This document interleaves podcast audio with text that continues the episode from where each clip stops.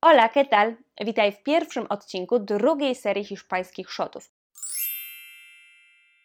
Dziś mam dla Ciebie cztery zwroty, które wykorzystasz w sklepie z pamiątkami. Musimy wiedzieć, że pamiątki po hiszpańsku to los recuerdos, ale możemy też spotkać się z nazwą los souvenirs, która też jest w użyciu.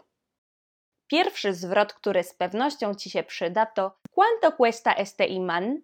Czyli ile kosztuje ten magnes? Numer dwa. ¿Cuánto cuesta este llavero? Ile kosztuje ten brelok? ¿Cuánto cuestan estas postales? Ile kosztują te pocztówki? I ostatni zwrot. ¿Tienes sellos? Masz znaczki? To tyle. Napisz proszę, jaką pamiątkę Ty chciałbyś przywieźć sobie z Hiszpanii.